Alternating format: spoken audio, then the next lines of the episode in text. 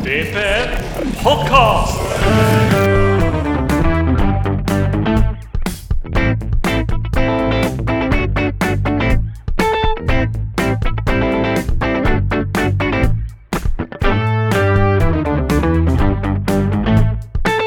Hei og velkommen til Vålerenga på nett sin podkast.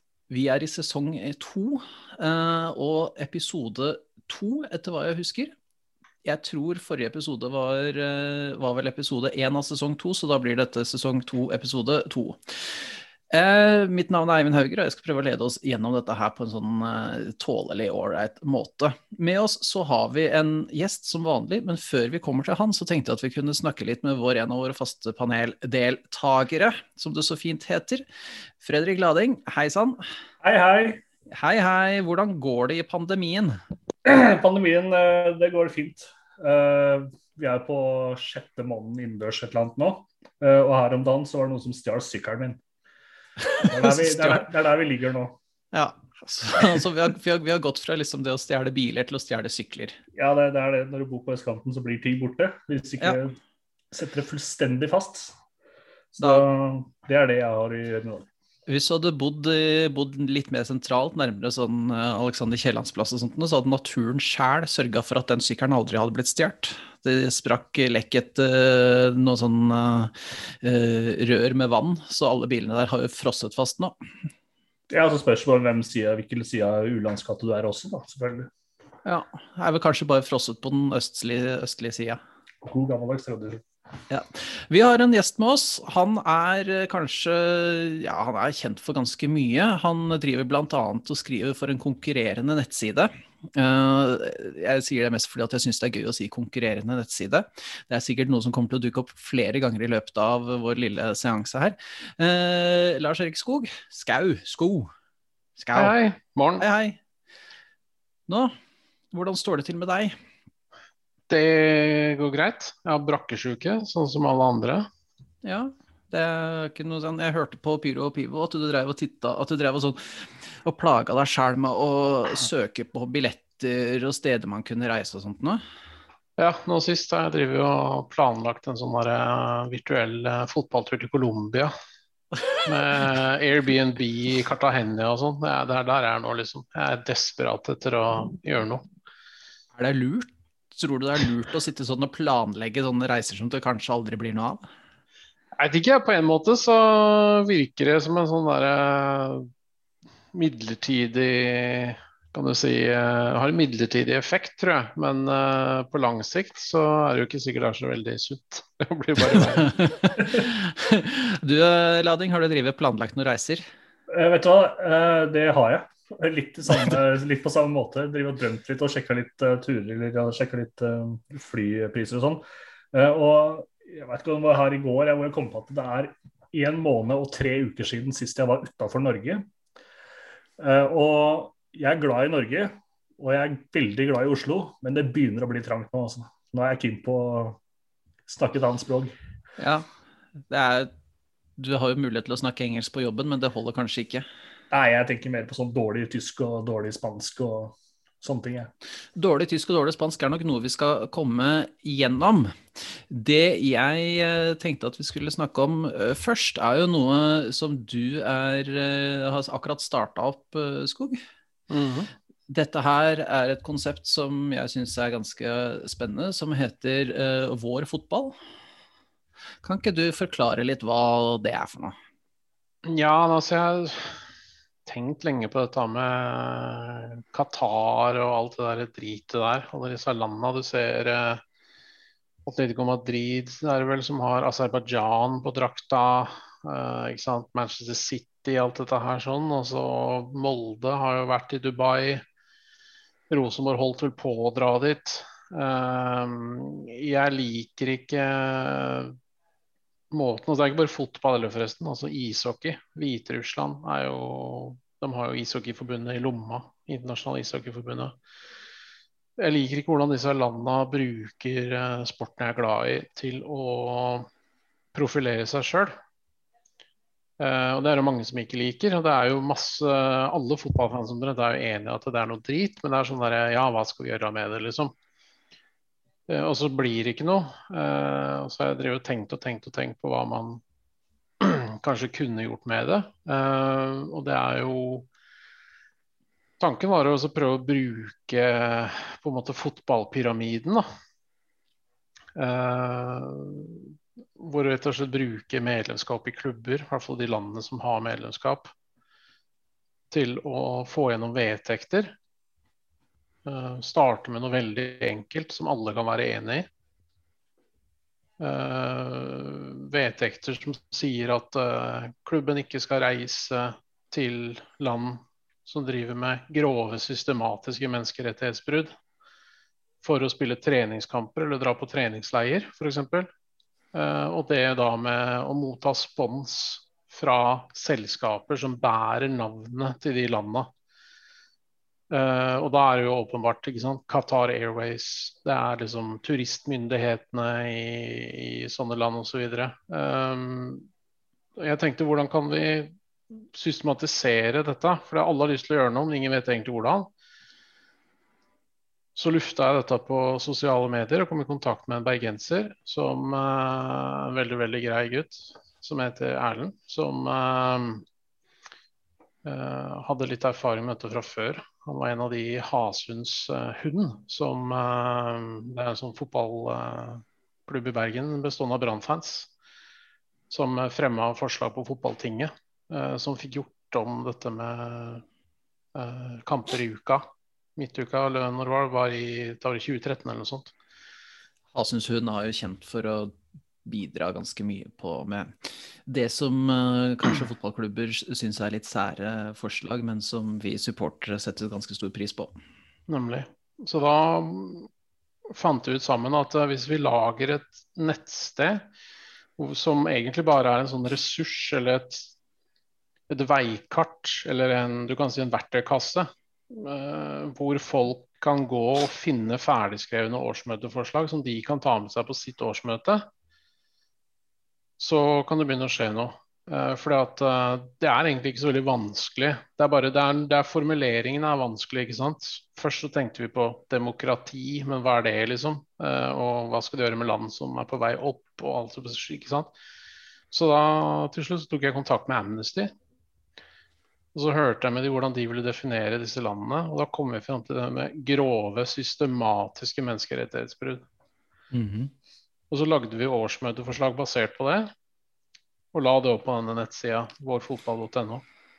Og interessen har jo vært eh, påtagelig, for å si det sånn. Ja, du har jo allerede Det tok jo ikke lang tid før du i hvert fall kom i, eh, kom i det som kan kalles for riksmediene. Dagsavisen har jo vært ute og skrevet. Dagsavisen, Bergens Tidende, Bergensavisen. Uh, jeg har også fått uh, forespørsel fra The Independent til London. Av alle ting.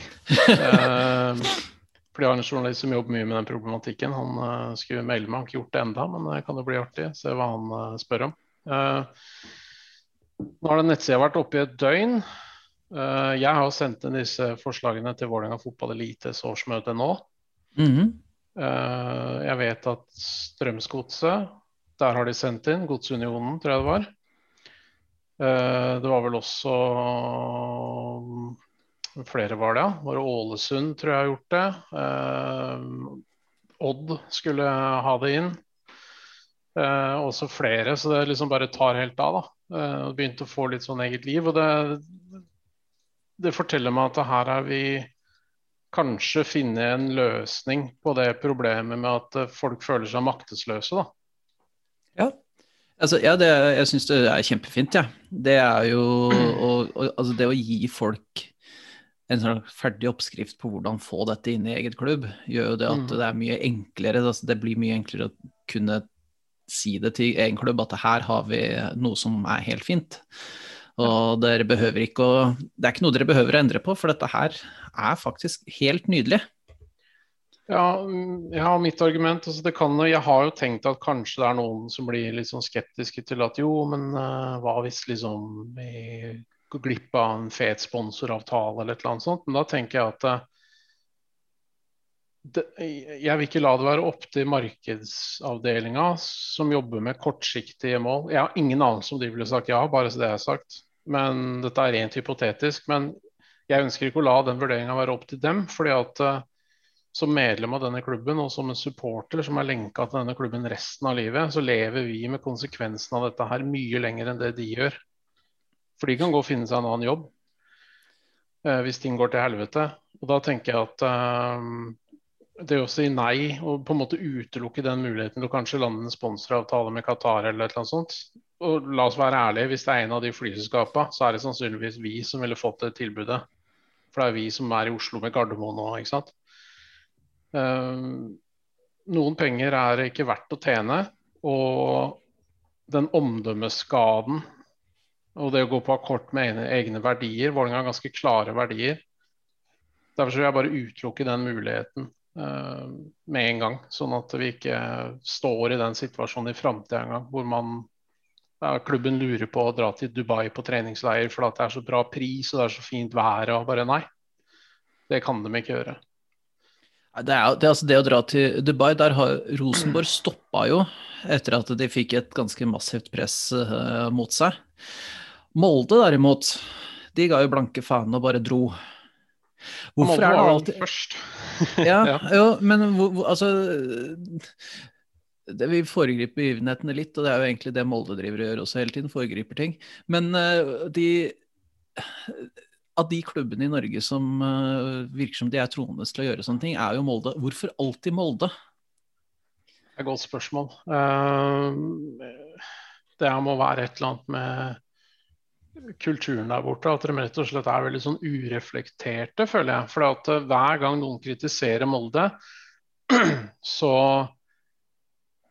er liksom reaksjonen at uh, å nei, det, det, er bare fordi at vi er så fine, dere er bare misunnelige på oss, liksom. Uansett hva faen det er. Uh, og det er fordi at vi er så gode i fotball og, og sånn. Og så Nei, men kan dere ikke bare høre på oss, liksom? Dette her er, dette er ikke normalt, det er ikke sånn man skal oppføre seg. Uh, og så tar de til motmæle, og så blir det en sånn Streisand-effekt. Ja. Og da, ikke sant? da har jo den derre med sånn derre sarr med bannere, og det bare tar jo helt av, ikke sant. Men det er jo fordi at de Altså, jeg skjønner jo akkurat den der Sarri-saken, så var klubben en litt vanskelig situasjon fordi at uh, de uh, liksom har et arbeidsgiveransvar og alt mulig sånt noe. Men det, kommer jo fram mer og mer Eh, så det er åpenbart at de valgte feil kurs der, og så hjalp de han ut av landet i tillegg. Og da fortjener de så jævlig mye dritt. Ja, det er ganske Tanken Tanke på at man ikke skal eh, da støtte regimer som man ikke liker. Så dro han jo til riktig sted, da. Han flykta jo til Saudi-Arabia. Ja, det rimer vel rimelig bra med hans kvinnesyn, antagelig. Um, nei, det er, det er helt sjukt, men det, det er bare helt, de er helt ureflekterte, rett og slett. Jeg tror ikke de skjønner. Så det skulle være morsomt å se om Tornekrat uh, melder seg på denne her. Da. Ja, for de har du ikke hørt noe fra? Sett litt fra noen Molde-folk på Twitter, men ikke hørt noe fra noe, noen i Tornekrat uh, av noe, noen som har noe å si det. Kan det være at Molde er usikre på seg selv, egentlig? Fordi de, som typisk dra til Dubai er jo sånn sånn som de store, slemme klubbene har gjort lenge i Storbritannia bl.a. Mm. Er det sånn at Molde sier at, tenker sånn at du, vi, er, vi, er, vi er up there, vi. er det. Vi, holder, vi er Champions League-folk. Eh, vi skulle hatt Qatar på, på drakta som alle andre. Vi jeg tror de har et mindreverdighetskompleks. Ja, det, eh, det er helt klart. Og det har vel noe med at Rosenborg er det de antageligvis ønsker å være de er den kjente klubben i Europa fra Norge som har vært med i Champions League og sånn. Litt kjipt å si det som Vålerenga-fan, men sånn er det jo. Uh, så det jeg lurer på om det rett og slett har med, sånn markeringsbehov å gjøre. Og det, det, er rart med det, men det gjelder til og med sånne ting som hvem du assosierer deg med, liksom, spons og sånn. Jeg husker når jeg begynte å følge Vålinga på midten av 90-tallet, så var Lillestrøm sponsa av Opel. Det var jeg litt misunnelig på. Fordi Opel de sponsa også AC Milan, og da var Milan det feteste laget i Europa. Så det var liksom litt sånn der glam da, å ha Opel på drakta. Kanskje ikke det i dag, men Fly, Fly, Emirates er jo ganske hardt inne i en del eh, klubber. Du har jo altså, Paris Saint-Germain, du har De var hardt inne i, i ja, Hamburg og flere andre steder. Blant annet Arsenal er jo sponsa, men Arsenal føler jeg liksom er Der, der, der, når du fort Der begynner du å nærme deg toppen av sånn sports, sportsvasking. For mm. når du løper rundt med Fly Emirates på brøstet og Visit Rwanda på skulderen, da begynner du å nærme deg et eller annet. jeg tror uh, det verste eksempelet er Barcelona, mener jeg. Fordi at de det han Laporta, og styrer vel ikke der lenger nå, men altså, for en god del år siden så hadde jo det en avtale med regimet i Usbekistan Usbekistan er et land vi ikke vet så mye om. Jeg har vært der. Veldig veldig fin sånn kulturnasjon i, langs Silkeveien og sånn. Men fy faen for et regime. Eh, det er et regime som eh, koker folk levende og dumper liket på dørstokken til familien. Som eh, til skrek og advarsel. Den, det regimet der gjorde Barcelona avtale med. Og det var jo da bl.a. det der greiene med Etos overgang. Han gikk jo dit, mener jeg å mm. huske. Og han der brasilianske treneren uh, var jo der. De har liksom hatt noen sånne der dealings med noen agenter og sånn som har satt dem antageligvis i connection der. De har vel uh, leid ut Rivaldo dit, og de har også vært der sjøl. Spilt treningskamp der. Og det regimet prøvde også å lage en sånn glam-klubb i landet der, som jeg mener husker kopierte logoen til FC Barcelona. De skulle ha sånn trenerutveksling og utdanningssamarbeid og mye sånn greier. Det var utelukkende for penger. Uh, og det er med det all, en av de aller, aller aller verste landene i hele verden. Det, det er liksom Nord-Korea hadde vært verre, men det er det eneste. Og det var da prektige FC Barcelona som ikke sant, nå ikke ville ha draktsponsor, og så brukte de Unicef for å kjøre inn liksom at de kunne ha draktsponsor, og nå har de en vanlig draktsponsor, ikke sant det er ehm, Jeg syns det er veldig veldig trist, for Barcelona er jo en av de som, fotballklubbene som liksom skal være et håp, da. Og så er det jo egentlig bare pill råttent. Når du kjører mer enn en klubb uh, som slagord, så burde du i hvert fall tenke deg om litt. Ja. Hvorfor, men hvorfor driver disse klubbene og, og eh, altså, det, er, det, er, jo et det er jo profittjag, selvfølgelig, men det er jo det kan umulig være sånn at disse, denne profitten driver og overstyrer uh, en sånn langsiktig PR?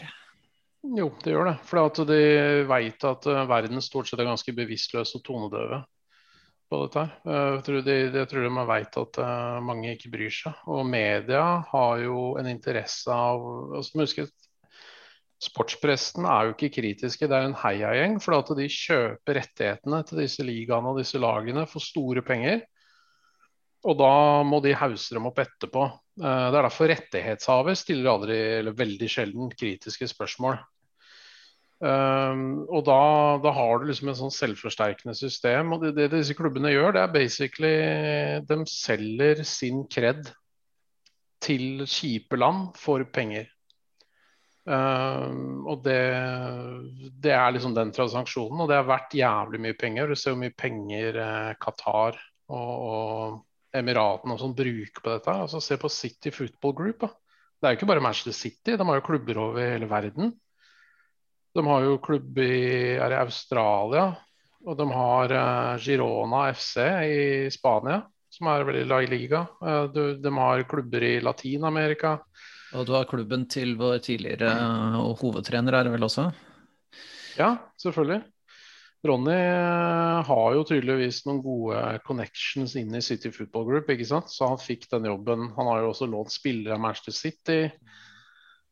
Uh, der tror jeg vi skal takke dems uvettige pengebruk for at uh, Jeg kommer aldri til å forstå hvorfor de fornya kontrakt med han etter den høstsesongen, men jeg tror vi skal være glad for at uh, de kjøpte den ut, for å si det sånn. Bare sånn for å, det, det, bringer oss egentlig over på det neste vi hadde tenkt til å snakke om. Men vi kan jo bare avslutte litt. Man blir jo ferdig, aldri ferdig med å snakke om uh, hvor ræva enkelte uh, land og klubber er. Men uh, hva var det Jo, neste, og neste VM. Når er det det er for deg? Det er jo 2026, da. Ja. Trist, men uh, sånn er det. Men uh, jeg har ikke noe tro på noe boikottaksjon. Det er for seint. Jeg har sett at Rosenborg har fremme, har fremma forslag på årsmøtet til klubben her, at de skal jobbe opp mot NFF for å få boikott av VM. Men det um, har jeg ikke noe tro på, egentlig. For at det er det toget har gått. Vi må heller ta dette institusjonelt opp gjennom fotballen. Derfor er neste steget er å møte opp på fotballtinget. Og få en klubb til å legge føringer på NFF, sånn at de skal begynne å jobbe med dette opp mot Fifa og Uefa og sånt nå. Eh, jeg leste for ikke så lenge siden, så eh, titta jeg gjennom noen av de artiklene som ble skrevet for en stund siden, da dette med Qatar var veldig Da det å liksom kritisere VM-tildelinga var veldig i vinden. For det har jo løyet litt. Men eh, da sa jo NFF rett og slett at det å delta i en boikott, det er ikke interessant, fordi da har vi ikke muligheten til å påvirke. Nei. God gammeldags uh, unnskyldning. Men sånn driver de jo. Det er jo det argumentet kommer jo han derre René Fass selv med òg, han ishockeypresidenten nå nylig. Han, jo, han, er jo kompis med disse her i Hviterussland. Han var jo der og bare Nei, jeg har gjort en Jeg har så stor tro på ishockeyens evne til å få gjennom forandring og sånn, liksom. Og så står han og omfavner han der Lukasjenko mens folk dør i gatene, ikke sant? Ja. Altså den fyren der, han har, han har sittet på toppen av Det internasjonale ishockeyforbundet siden 1994. Han er sveitser, da, selvfølgelig. Og det er liksom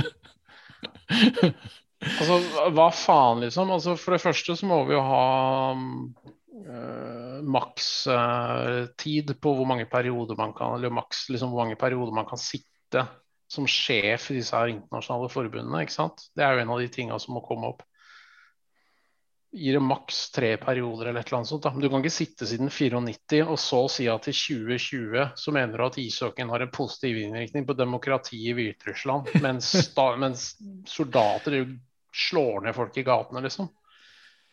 Og så har flytta de VM, da. De flytta det til Russland fra Hviterussland, hockey-VM, da. For det er liksom bedre. Så det er jo bare bløff. Men det er jo det de sier, da, ikke sant. Uh, og det er en del av dealen, da.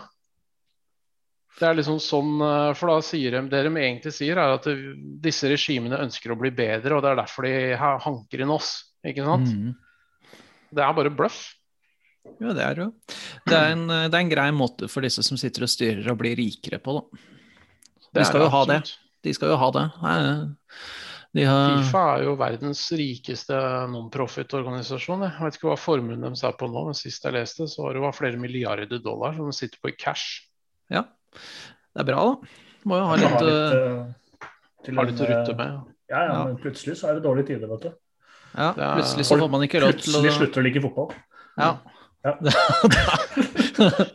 ha noe en rainy day, liksom. Tilfelle VM ikke er populært lenger. Ja. Det er én ting som jeg tenker på hver gang det er liksom snakk om Qatar og VM. Og det er jo rett og slett altså Én ting er jo Qatar, hvordan, de, hvordan styresettet er sånn der. Noe annet er hvordan Eh, kulturen og hvordan politiet kommer til å takle to fulle fly med fulle russere hvor de lander Ja, Jeg tror det kommer til å gå så fint, for da vet de at uh, de kommer til å ha spesialtrent politi.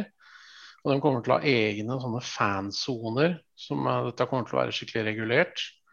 Og alle i det landet her kommer til å få vite at hvis noen rører en turist, så er de ferdig. Og samme i Russland. Husker Alle var redde for at det skulle bli masse bråk pga. hooligans og sånn etter det som skjedde i Frankrike. Det skjedde jo ingenting. For alle veit at da kommer hammeren. Så alle som reiser til Qatar, kommer til å få en sånn plastikk eh, sånn der når du besøker Nord-Korea-opplevelse, antageligvis. Hvor du kommer til å få ølservering, og du kan henge på stranda, og du kan kysse damer i, og det kommer ikke til å være noe problem. Men for de som bor der og lever under det regimet og ikke har privilegiene til eh, kan du si, de som er på topp, da, de kommer til å få det like ræva som før. Ja, det er En ting er jo at å holde de som bor der fra hverandre, og sånn, men hva skjer når russerne møter britene på stranda? Ja, da kan det jo smelle, men uh... Hvordan takles det? Fordi det, det, det, det, det som skjedde i Russland, at de fikk beskjed om at når britene kommer, så holder de tilbake. Ja, det er flott eh, Putin styrer de hooligangjengene. Ja, ikke sant. Men hva skjer i Qatar, da? Nei, altså da, da vil sikkert bare politiet liksom gripe inn, og det kan godt hende at de, har, de kjører noen køller og sånt nå, men Mm. da vil det jo bare være liksom Å, fotballfans. Ikke sant. Det er jo på en måte Da vil de bare rydde opp. Men altså, det, det blir ikke noe verre konsekvenser enn det ville vært hvis det hadde skjedd i Norge, liksom. Ja, det tror ikke jeg heller. Det, De begynner ikke å, de begynner ikke å dømme turister, VM-turister til dødsstraff fordi at de oppfører seg dårlig. Tenk deg så bra det hadde vært, da. Det hadde stå... altså Det gjør så mennesker omkomne VM. ja. Husk at alt dette her er én stor PR-øvelse, og det er at de skal se så bra ut som mulig. Så det, det kommer til å bli eh, helt andre regler enn det er der nå. De har jo allerede klart å få på plass disse, disse bloggerne som driver og reiser her i tide og utide. Mm. De har jo allerede sånn klart å presisere det at nei, det, det skjer ikke noe gærent som de har sett, i hvert fall. Nei, nei, nei. Nei, De har jo influensere. Det er jo, de betaler jo influensere, og sender dem ned på business class, og så ligger de på stranda med rumpa i været og tar noen Instagram-bilder og sier at det her er alt så jævlig fint og sånn. Det er jo Det er så nedrig og så jævlig patetisk at det Først så Sånn er det. ja, nei, det, altså, det er helt nydelig å se på. Og, så er hvordan, og når det kritiseres, så er det alltid en eller annen sånn der Ja, men dette visste ikke jeg noe om. Unnskyldning. Og det er jo den samme, det er egentlig akkurat den samme unnskyldninga du finner i idretten. da. Ja, dette visste ikke vi noe om, men dette skal vi ta opp. Ja, ta det opp. Ja, Du skal Det ta hjelper. det opp med den det gjelder. Ja vi skal Det Sånn, ja. Men du har vi skal jo ta altså et møte. Ja, den er fin. Ja, vi skal, ta vi, vi, vi skal snakke, med, snakke med han som er ansvarlig for dette, så skal vi si at dette blir bedre. Nei, Nei men eh, skal vi ta oss eh, ja, Det er fryktelig spennende å, å snakke om. eh, og det er et, et veldig, veldig, veldig viktig emne. Jeg føler at vi kan sitte og snakke drit om disse regimene ganske lenge, og så blir bare fortsette og fortsette, fortsette. Men skal vi snakke om noe gøy? Gjerne det. Gjerne det. Da kan vi ta oss og gå tilbake til eh, det herrens år 2020, da alt eh, plutselig eh, stengte ned. Det var kanskje ikke så gøy, men eh, så begynte etter hvert eh, fotballen å rulle for henholdsvis eh, Vålerenga uh, fotball herrelite og Vålerenga fotball damer. Mhm. Vi kan jo først ta, ta eliteserielaget, da. Og de leverte jo en sesong over evne, vil mange kanskje si. Tredjeplass, eh, Skog, hva syns du om det? Eh, over evne vil jeg si det er, ja. Eh, og det er ikke ofte de gjør det. Eh, så det var jo veldig, veldig gøy. Um, og det at det på en måte bikker rett vei, da, ikke sant. Det kunne jo blitt femte, og da hadde det ikke blitt Europacup, og det hadde ikke vært så kult, men det er bare fem poeng unna. Så nei, altså, jeg er jævlig imponert over Fagermo, det han, han har gjort. For han, eh, han sa jo da at de skulle satse på ungdommen, og de skulle gå for medalje og sånn. Og det er liksom sånn der, ja ja. Hørte før, liksom. Men uh, de gjorde det jo faktisk, han fikk det jo til. Og det, det er bare Det er, det er helt suverent. Um, jeg tror vi hadde en fordel av at det var covid-sesong. For det første så ble seriestarten utsatt såpass lenge at han fikk lang tid med gutta. Og så kunne han begynne å kjøre på med en del unge, urutinerte spillere som får stå uten publikum. Det tror jeg også var en fordel for de. Um, litt mer ro og mak. Det har ikke vært det maset på Valle som det kanskje har vært uh, ellers. Um, så altså, tredjeplass, det er, det er en helt optimal plassering. Og du, du ser jo laget har hatt en progresjon da, eh, hele veien. Så har de blitt bedre, mer samkjørte. Um, spillerne er jo det samme, men de skjønner mer hva de skal gjøre. Alle har klare oppgaver. Det er en helt annen struktur. Og Det var jo det vi mangla under Ronny alltid. Det er det at du visste ikke hva slags lag som kom ut på banen, om de skulle ligge under 3-0 til pause eller lede 3-0 til pause. Det var liksom et lag som virka helt sånn selvmotivert, på en måte. Men her så er det Hvis du ikke løper, så blir du bytta ut.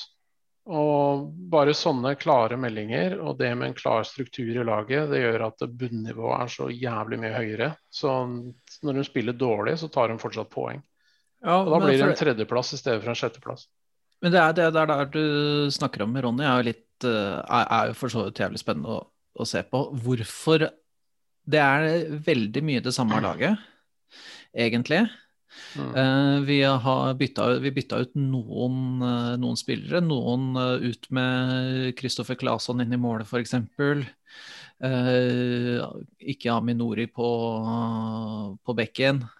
Og så i løpet av sommeren så kom jo Bjørdal og Kjartansson. Mm. Men i alt, i alt i alt så var det kanskje veldig mye av det, veldig mye av det samme. Hvorfor klarer da Fagermo i løpet av én sesong å snu hele det laget der og hele mentaliteten?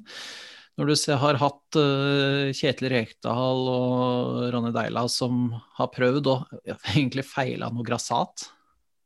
Det er et godt spørsmål. og jeg, Sånn i ettertid så ser jeg jo at vi i Aperop og jeg vi var eh, for snille med Ronny. Men jeg har alltid vært svak for uh, trenere som, som på en måte er litt uh, ikke nødvendigvis intellektuelle, men som på en måte er veldig flink til å legge fram opplegget sitt. Og, og ikke sant han, han hadde jo bl.a. det der foredraget som på en eller annen sånn ledig konferanse hvor han prater om hvordan han jobber med folk på en sånn mellommenneskelig nivå og alt mulig sånt noe.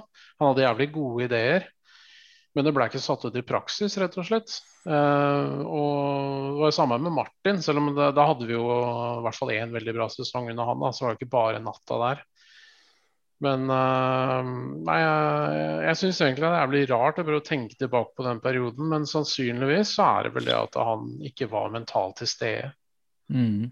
Og det var nok heller ikke Rekdal den siste perioden han var her. Da bodde han jo på Hamar. Hørte rykter om at det var noen treninger han rett og slett Han, var, han pendla jo, ikke sant. Så det var jo ikke alltid han kom, men han var jo han var liksom fraværende. Dette er kanskje den første treneren de gutta har hatt som er på dem hele tida. Ja. Fagmo kjøpte hus i Oslo med en gang han fikk den jobben, og bare rett inn, og han er på dem hele tida. Da, da blir det noe helt annet. Ja, det skal Fagmo ha. Han virker som en fyr som eh, tar denne jobben dritseriøst. Og det er kanskje noe vi har, eh, noe vi har mangla. Ja, så har han passion, da, som eh, jeg syns Ronny viste i starten, men som han rett og slett mista etter hvert.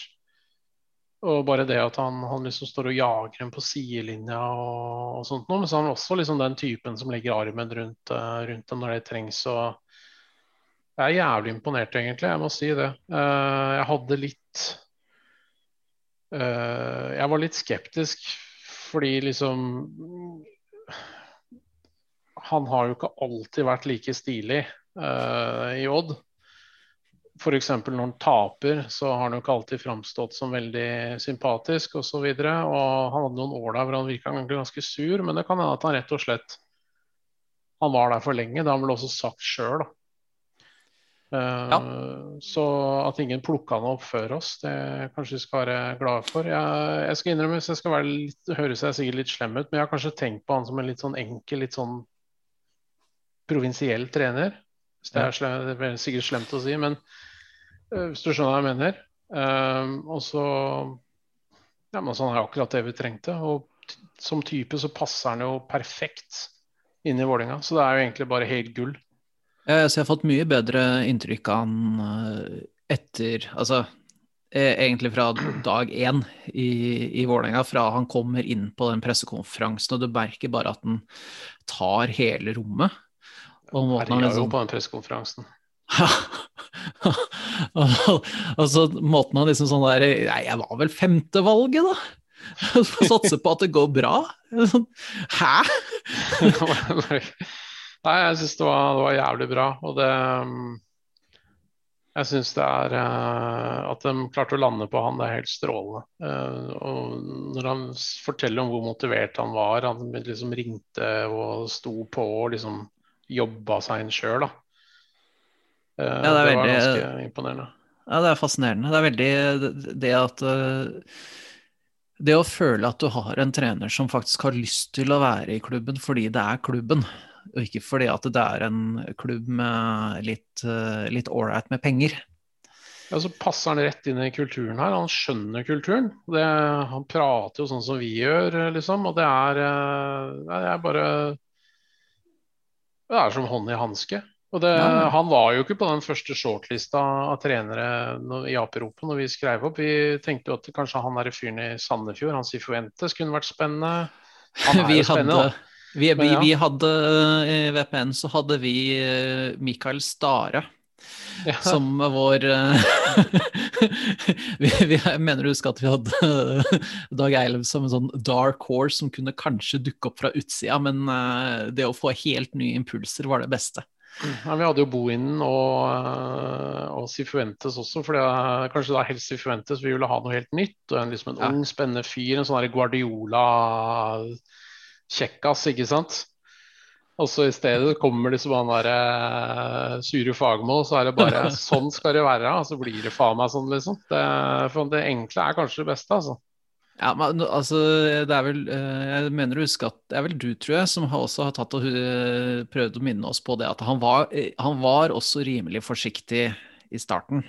Han var litt forsiktig i starten, han var det. Han sa ikke at han skulle gjøre det, og så leverte fra dag én. Han prøvde å dempe forventningene litt.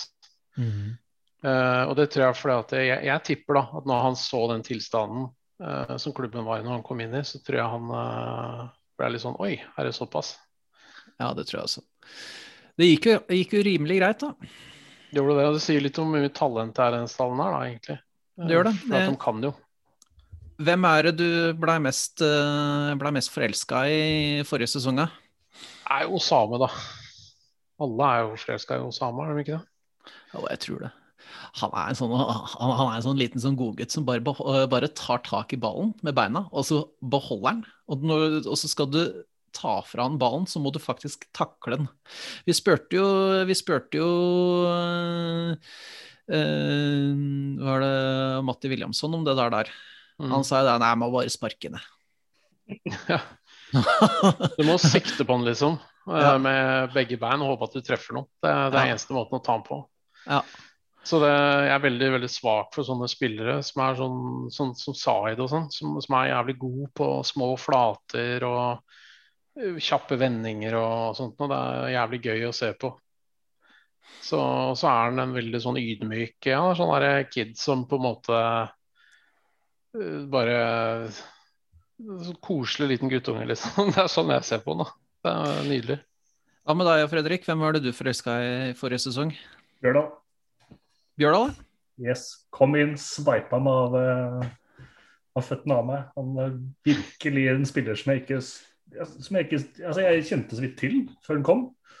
Og så har den vært så jævlig god. Uh, det er gøy med egenlagde og sånn, men det er også gøy når noen kommer utenfra. Jeg syns det er litt rart at vi har henta to spillere fra Sulter Vargem som heter Bjørdal, og så er de ikke slekt. Pluss han er Oldrup. Vi har henta tre spillere fra Sulter Vargem. To heter Bjørdal, og ingen er i slekt. Men er det da lov å si at uh, eh, Sulter Varigem begynner å bli sånn feederklubb til Vålerenga? Ja, I Football Manager så vil jeg ranka ja. dem som en sånn derre ja. Eh, feeder-klubb. Så hvis man skal velge seg én klubb i Belgia, så ville det vært uh, det laget der? Ja. Affiliate klubb. Ja, det høres bra ut. Jeg liker, det. Jeg liker, liker tanken om det der.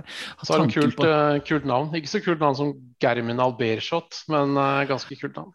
Altså, hele den altså, Både Nederland og, og, og Belgia er jo, et, er jo liksom to nasjoner som er fylt opp med artige navn som er helt umulig å uttale på det lokale språket. Uh, altså, I Nederland så har du sånn Go Ahead Eagles og sånt noe. Det, det, er, det er kanskje det som er, er, oppe sammen med dem, er uh, Botswanas uh, Meat, Commission, uh, Meat, Commission, FC. Det, det er Den har jeg ikke hørt før. Den er nydelig. Hvis du, noen, hvis, du skal, hvis du skal ha noen sære lag, så er det anbefalt å se på botswansk eliteserie. Meat Commission? Er det sånn der, Er det Mattilsynet, liksom? Jeg aner ikke. Eh, jeg veit at eh, det bare er et sånn Jeg tipper at det er noe sånn eh, At det er noe greier der, men jeg, jeg har sett for lite Botswana Meat Commission FC. Jeg vet ikke om det eksisterer fortsatt, men det var i hvert fall Herlig, da. Hvis departementene har, hvis departementene har laget Eliteserien. Ja, men ikke sant? Altså, det verste er det at i utlandet, altså i sånne eh, utover i Asia, Singapore og sånt, så har du Police FC. Ja, Det ja. er, det er massevis av sånne land, bare man bare artige, artige lag. Eller artig og artig, men det er i hvert fall uh... Det har vel eh, noe som eh, heter FK Kjøttbyen eller noe sånt i Oslo også. Ja, jeg tror tror ikke de er det samme. Nei, det er ikke helt samme. Jeg tror det er sånn fotsallag i sjette divisjon eller noe sånt. Altså, du fascinert av det argentinske laget som heter eh, Hva er det heter Noe med Justicia. Eh, Defensa i Justicia. Forsvar og justis. Det, det er også sånn Ja, men altså, da veit du at du får ikke Avgjørelsene går ikke din vei, da. Nei, de, de har makta. De er ganske høyt oppe i systemet nå, tror jeg. Liten sånn barrioklubb. Nå tror jeg faktisk de eh, er i kontinentale mesterskapet der nede. Hva er mottoet deres, da? Ja, det bør jo være et eller annet autoritært, da. Jeg vet ikke. Ah, nei, nå ser jeg det at uh, Botswana Meat Commission har faktisk skifta navn.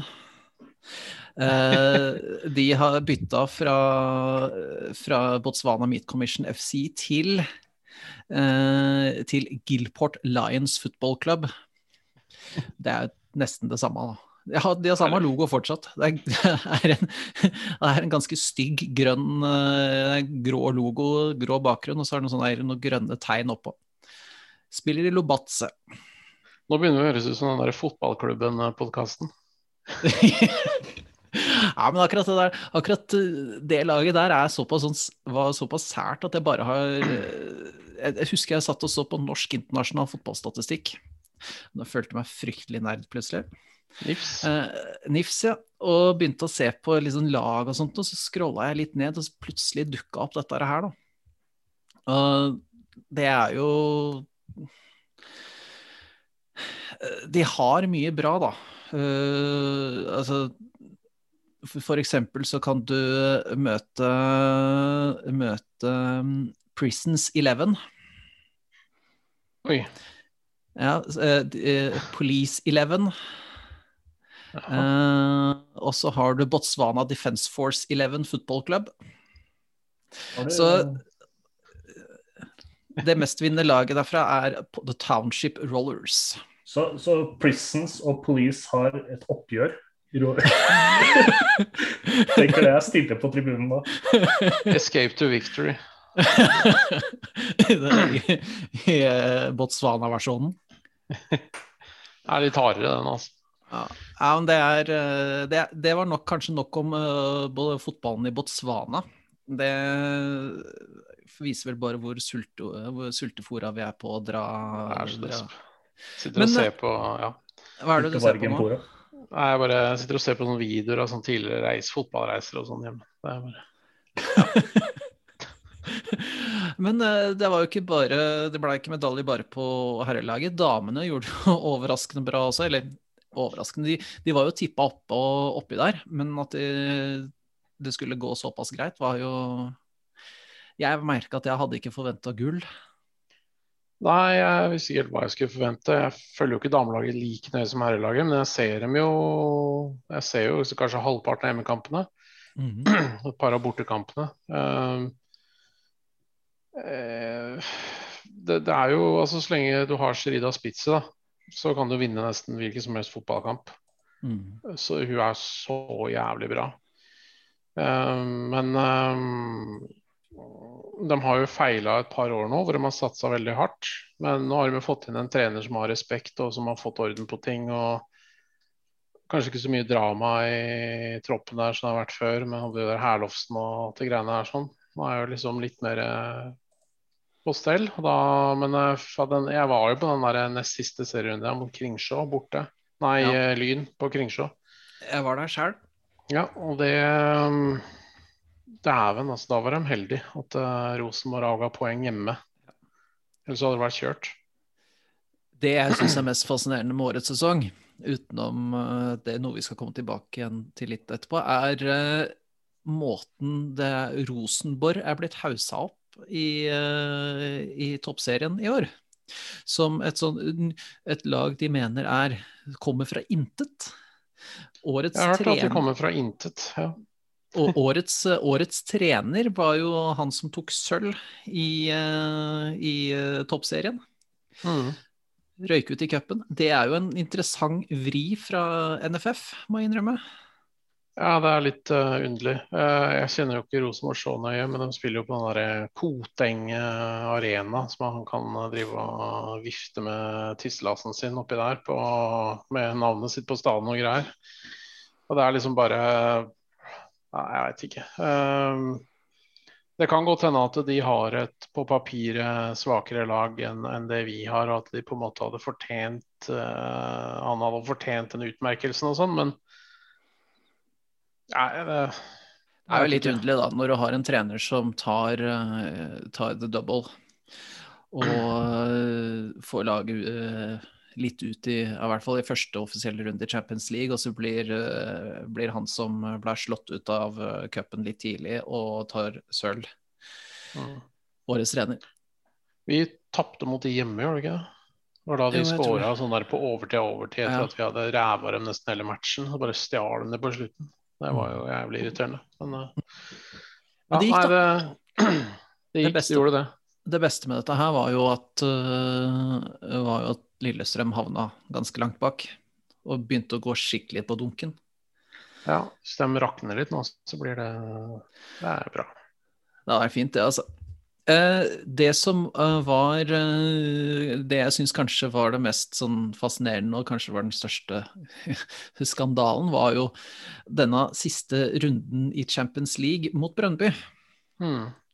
Der skulle vi først møte Brøndby være hjemme, og så skulle vi spille bort etterpå. Dette skulle da være i en stund før jul. Det blei det jo ikke noe av. Nei. Eh, det jeg forstår, er at det er mulig jeg tar feil, men jeg hadde inntrykk av at Brøndby De, de hadde jo tre landslagsspillere som hadde måttet inn i karantene eller noe sånt. Eller de hadde vel kanskje en av de hadde testa positivt til. Eh, så da, men de hadde ikke hatt kontrakt, kontakt med troppen i Brøndby etter de hadde vært på landslagssamling, skjønte jeg. Og så hadde de begynt å mase om å få utsettelse på matchen. Og så fikk de ikke det. Og så tok de inn de spillerne i troppen og reiste til Norge vel vitende om at uh, kampen ville bli utsatt. Det jo Det ville vært interessant å sette, en, sett et uh, herrelag i Champions League gjøre akkurat det samme. Ja, det hadde blitt ramaskrik, men hele håndteringa av dette her er jo helt hinsides. ikke sant? Altså det hadde, dette her hadde vært sånne nasjonale nyheter i, over hele Europa i mange uker hvis det hadde vært herrefotball. Det er en kjempeskandale. For, at det, for meg så ser det ut som de med viten og vilje brukte det for å få den kampen utsatt. Og da viten om at eh, de var jo ferdig med sesongen. De, eller de hadde pause, eller hva det var, så de var jo ikke i matchfit, egentlig. De hadde ikke spilt kamp på flere uker. Og vi var jo i kjempeform, hadde Sherida Spitz enda, eh, og alle disse andre spillerne. Og så bare må vi møte dem nå på nyår i stedet, uten å ha fått trent omtrent. Eh, og uten eh, uten Spitze og uten Ndoya, alle disse andre spillerne. Og så hadde jo Vålinga prøvd å få meldt på flere spillere. Uh, og da måtte, hadde Uefa bare sagt at klubbene må bli enige seg imellom, og det ville ikke Brøndby. De ville bare ha en én, for da ville de ha en ny keeper, var det ikke sånn? De, de eh, hadde ikke behov for flere enn den nye keeperen, så de ville bare ha en én, mens da Vålerenga har tre nye spillere som de gjerne ville ha med. Så av en eller annen grunn så ble det én. Så da, måtte, da sa øh, Uefa rett og slett at ja, men det må dere bare bli enige om dere imellom. Skal det være fe- da skal det være fair. Og da istedenfor at øh, Brøndby sier at øh, ja, men fair er at dere får lov til å plukke med de nye spillere, så sa Brøndby nei. Og på toppen av det, så pga. koronagreiene i Norge, så måtte vi spille én match på Brønnbys hjemmebane i stedet for å avgjøre dette her. Da uten matchtrening. De hadde vel spilt fire-fem treningskamper tror jeg, i forkant her. Ja. Så den var veldig godt forberedt. Vi var ribba, ute av form. og på bortebane, og enda så burde de egentlig slått dem. Det jeg tror at vi hadde slått at det laget der 6-0 over to kamper Ja, det tror jeg også. høst. Det tror jeg også. Helt klart. Det, da, hadde det blitt, da hadde det blitt spennende å se da hvordan neste, neste runde hadde blitt. Ja, jeg får håpe de trekker PSG eller Lyon eller sånn neste runde. For de, taper dem 20-0. Rett på ræva, rett ut igjen. Blir deilig. Det, er, eh, det var ikke fair play, da, for å si det sånn. Vi kan jo holde oss på damelaget. Neste sesong begynner å nærme seg. Mhm. Blir det, ny, eh, blir det nytt seriegull?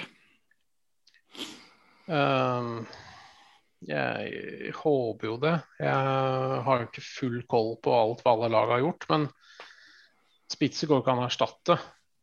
Nei, da skal du betale uh, dyrt. Nå er det vel hun Hva heter hun, hun serberen? Uh, spilte jo Dejana Stevanovic. ja, i den rollen nå mot Brønnby, men jeg vet ikke om hun kommer til å gjøre det senere. Men jeg tror det blir et rotterace, sånn som det ble i fjor. Mm. Uh, og så får vi bare håpe at dere holder helt inn, og ikke gå på noen sånn bananskall mot den jævla linkjerringen igjen. De var helt rabiate hver gang de møtte oss, de, de var helt talentløse ellers.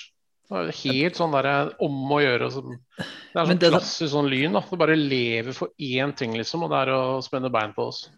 Men altså, altså tenker jeg, at Hvordan er det mulig å ha et så usannsynlig eh, snevert syn på hva som er viktig? Og, liksom, er det ikke bedre å prøve å liksom, motivere seg sjøl til hver eneste match, istedenfor å tenke at «Å, fy faen, i dag møter vi Vålerenga!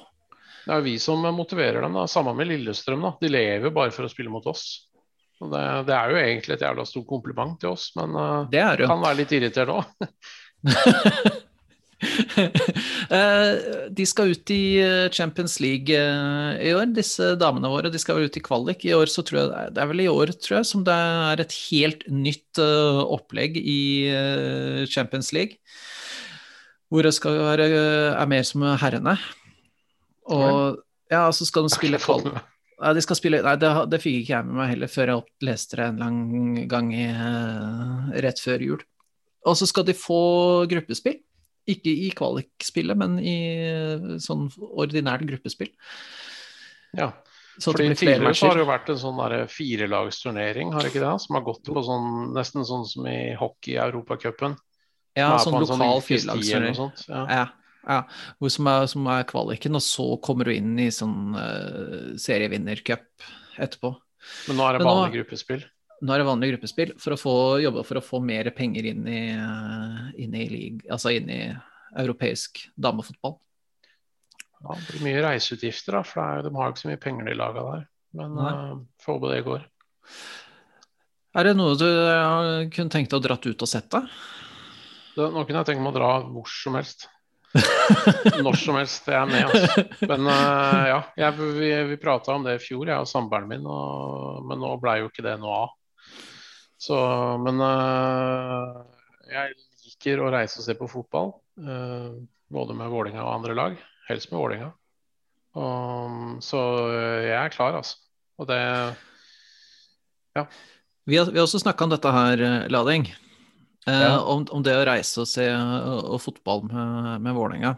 Og da har du liksom Du har vært på den der at uh, alt annet enn Skandinavia Ja, jeg, jeg syns det har vært litt kjedelig når uh, Vålerenga skal begynne å trekke i lag, og det blir sånn Norrköping eller noe sånt.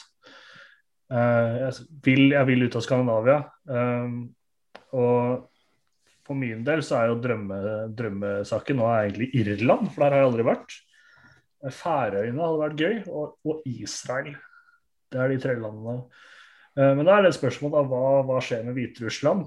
Eh, Kan man dra for å se Hviterussland eh, spille fotball fordi de har på å si, fortjent det? Der mener jeg f.eks. ja. På en helt vanlig kvalikkamp i Champions League eller i, i, i Toto, eller hva det nå heter. Eh, Inter Toto Conference League i Europa. Mm. Hadde du dratt til eh, Hviterussland, eh, Skog? Ja visst. Ehm, jeg drar overalt Vålerenga spiller, jeg. Og jeg, jeg har også vært altså, Det er ikke sånn at jeg ikke nødvendigvis reiser til kjipe land, selv om Eh, jeg driver med dette initiativet her. Jeg bare vil ikke at de skal bruke fotballen til å kjøpe seg kred, da. Uh, men uh, å reise, det er viktig. det lærer vi av. Og Hviterussland tror jeg kan være et interessant land å reise i. Jeg har vært en del i sånne tidligere sovjetstater, og det, folk er stort sett veldig hjelpsomme, gjestfrie når du kommer der som gjest. Det er bare at myndighetene er ræva, liksom. Ja. Det er faktisk nesten sånn at jo mer ræva myndighetene er, jo mer ålreit er folka som bor der. Fordi de har lyst til å vise at er, vi, er, vi, er, et ålreit folk, på tross av at vi har uh, noen myndigheter som ikke er helt til å stole på? Ja, jeg tror faktisk det er en sånn dynamikk. At folk, uh, folk vil vise seg fra sin beste side. Og så er det noe kulturelt også, som vi kanskje har mista litt i Vest-Europa. For at her er liksom alt på stell. Så det er sånn derre Har ikke hotellrom, liksom. Men der er det bare komme inn og hilse på min familie og mm.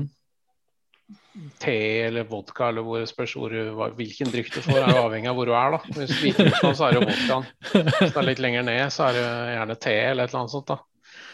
Eller palinka hvis du er på Balkan, den stilen der. Så det, men det, ja, det er helt nydelig. Jeg vil gjerne til Balkan. Se Vålinga i Bosnia eller noe sånt. Det hadde vært dritfett.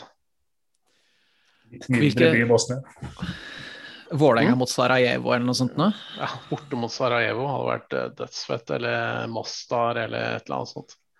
Ja, det hadde vært gøy. altså. Kommet seg nedover dit en tur og sett litt på se, se, Fått opplevd litt uh, Ikke bare få opplevd lokalkultur, men også litt mer fascinerende fotballkultur enn uh, Oddrane som uh, Sorry Baris og prøver å være Ja, det er nydelig. Og det um jeg har jo For to år siden så var jeg jo i Argentina og Brasil. Det, det, er så mye, det er så fett. Det er så mye kul fotball å se der ute. Hvis du bare driter i å dra til Manchester og sånn. Dra til Trenger ikke dra langt, dra til Polen, dra til Balkan. Det feteste er jo Latin-Amerika, mener jeg. Hvordan var det å stå og se eh, latinamerikansk fotball? Eh, sto du sammen med noen supportergrupperinger, eller fikk du beskjed om å holde deg litt utafor? Nei da. Uh, var på, på, Vasco da Gama uh, i Rio. Uh, Vasco spiller ikke på Maracana. De spiller på en liten stadion oppe i nord som er fra 20-tallet. Som er et sånn freda historisk monument, nærmest. Da hadde vi ståtribuneplass. for det er nesten bare ståplasser der. Men stadion er veldig liten, og den tar 20 000. Og da var det så det, det, var bare helt rått. Det går folk på tribunen med sånne digre kjølebager og selger iskald øl for eh, ti uh, kroner på boks. Og det er bare å jekke boksen, stå og drikke, spandere på de rundt, bli spandert på, hilse på. Så det var bare helt prima. Hvordan syns du, ja, hvordan syns du liksom uh, det er der kontra det å stå på en uh, tribune bortefølge i, i Norge? Hva Det er alltid spesielt å følge Vålerenga, for da er det mye mer sånn følsomt investert i det. på en måte. Men uh, hvis du tenker på trykk og sånn, så er jo så er trykket høyere der, stort sett. Kommer litt an på, da, så jeg var jo på noen slappe matcher der òg. Jeg så jo Fluminense på Maracana med 20 000 tilskuere. Det høres ut som en litt trist opplevelse, for å være helt ærlig. Ja, men det var faktisk eh, det var bra akkurat når de scora og sånn, men det er klart det er jo ikke det samme. Men jeg så jo også Bocca mot River på Bombonera i Copa Libertadores. Det var eh, noe annet. Det hørtes ut som en, det, det hørtes ut som en, eh, en, en bråkete affære. Det. Ja, det, det, er nummer én på bucketlista. Jeg så også et annet derby der. Um, mellom Huracan og San Lorenzo på en jævlig fet stadion. Hvis du er hjemme, bare google stadion til Huracan. Det er en av de kuleste stadionene jeg har vært på. Sånn art deco-bane fra gammelt Uh, som er kjempeflott med sånn spir og sånn. Det er, er veldig svak for art deco-stadion. Men det, altså, det der, der tenker jeg også litt på. Ja. Men det der, der tenker jeg også på hvordan, uh, hvordan man på en måte uh, får en får en bedre fotballopplevelse jo mer kultur som er i vegga på den stadion du besøker. Ja, uh, at du Hvis uh, f.eks. et sånn kjøpesenterstadion som Ullevål er ikke like det er, det er, liksom ikke Det er ikke der du drar for å oppleve, oppleve fotballkultur. Nei, det, altså jeg har sett Bayern på Allianz Arena f.eks. Det var jo litt sånn så det er gøy å ha vært der, gøy å liksom sjekke av den, men det er jo ikke noe spesielt. Mye fetere å se San Pauli på Millerntor eller Bochum. Eh, mm. ikke sant? Altså sånne lag som, som har liksom gammel historie i stadion, og det blir mye mer atmosfære. da. Så Derfor så er eh, Hvis noen som hører på noensinne er i Brasil, kom dere på en kamp med Vasco. Jeg var også, det er, det, er ikke, det er, jo ikke i Brasil og ikke ganske langt unna, men eh, jeg var en periode i, i Danmark, og så, så jeg, da så jeg var jeg blant annet på, på uh, i Parken. Mm. Og en av, det, jeg så, en av matchene jeg så, var Rønders mot FCK. Okay. Og, det, og, det, er en av de dølleste stadionopplevelsene jeg har hatt noensinne. Det derre eh, det derre plastikklaget FCK Det er sånn halvtomt kjøpesenter. Det er helt forferdelig. Du sitter og gjesper, og det eneste som er moro, det eneste som liksom holder eh, motivasjonen din oppe, er å tenke at her er det i hvert fall øl. Ja, men det er så fett å være bortefan på å komme seg til noen historiske steder. Altså, jeg var jo på en av bortematchene mot Paok, ikke sant. Mm. Når vi spilte der nede. Og det er liksom bare Det er så jævlig intenst. da. Det er varmt, og du blir henta i buss med gitter for vinduene og kjørt av politi under politi i eskorte inn til stadion, og det er liksom Du kommer inn, og det er fullt uh, halvannen time før kampstart, og får alle hele stadion buer på deg, og det er liksom så jævlig intenst, da. Og pyro og liksom litt sånn halvslitent. Jeg liker jo sånne stadioner mm. som, som, gjerne er liksom dårlig vedlikeholdt og sånn. som, det er liksom det er noe Der, der sjela er liksom essensen i, i, fotballen. Jeg vil ikke ha de kjøpesentergreiene. Samme Kråmyra? Kråmyra har jeg vært på.